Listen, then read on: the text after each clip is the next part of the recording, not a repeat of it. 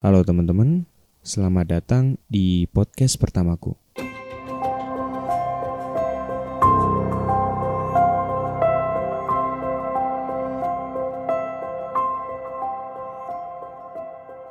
Jadi, di podcast ini kita bakal cerita tentang cerita-cerita menarik yang pernah dialamin oleh teman-teman.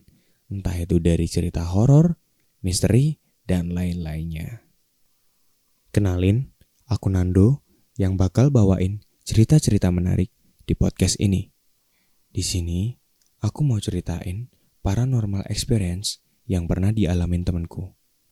Jadi, ceritanya waktu itu dia lagi sendirian nih di rumah. Orang tuanya kan lagi kerja.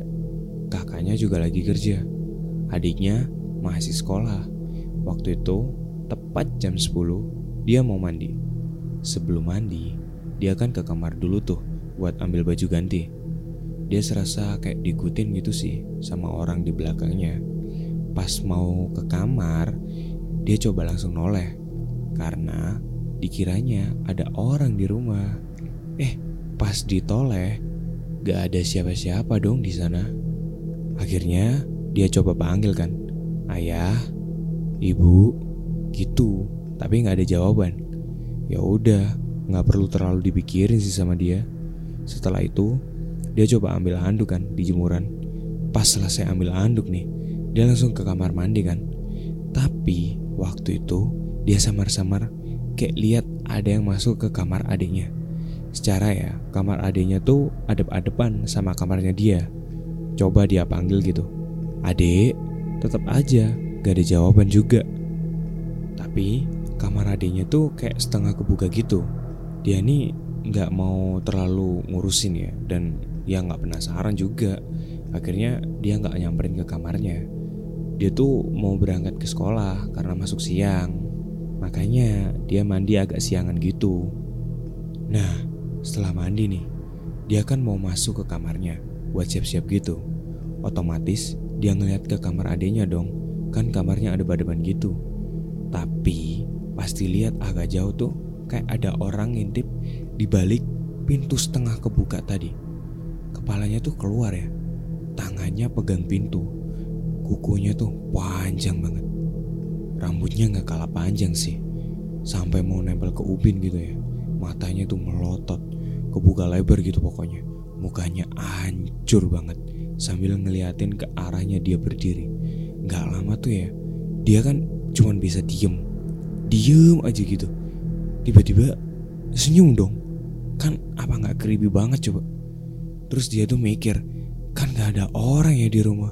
Dia langsung buru-buru tuh lari ke kamarnya, tutup pintu langsung dikunci. Nah dia kan cewek tuh pasti takut banget kan. Dia akhirnya diem duduk membelakangi pintu gitu sambil mikir itu maling apa bukan ya. Dia tuh coba buat positive thinking gitu sih. Bener juga sih buat mikir positif di keadaan kayak gitu. Tapi aneh aja gak sih kayak siang-siang bolong gitu loh. Akhirnya dia coba tuh telepon ke teman-temannya, tapi nggak ada yang diangkat. Dia coba telepon adiknya, nggak diangkat juga. Gak lama, dia langsung ganti baju kan, siap-siap buat berangkat sekolah.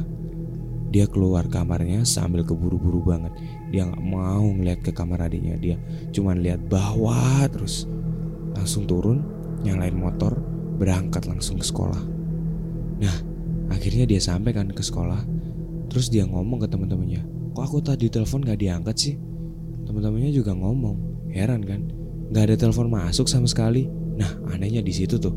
Padahal dia tadi udah nelpon kan, sampai dicek kan di log panggilan. Tapi gak ada yang nelpon tuh di jam-jam pas dia nelpon. Lalu dia kan cerita tuh ke teman-temannya kejadiannya tadi. Teman-temannya tuh agak sedikit nggak percaya gitu.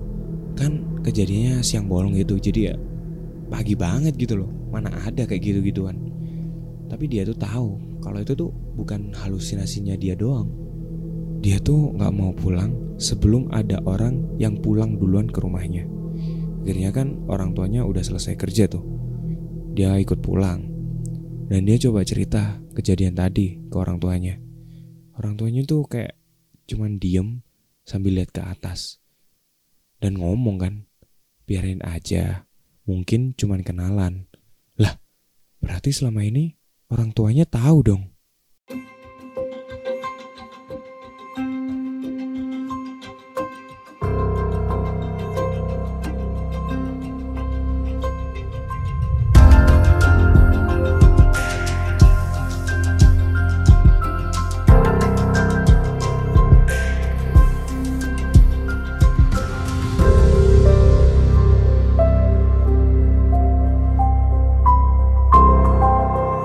Dengarkan cerita-cerita menarik lainnya hanya di Nori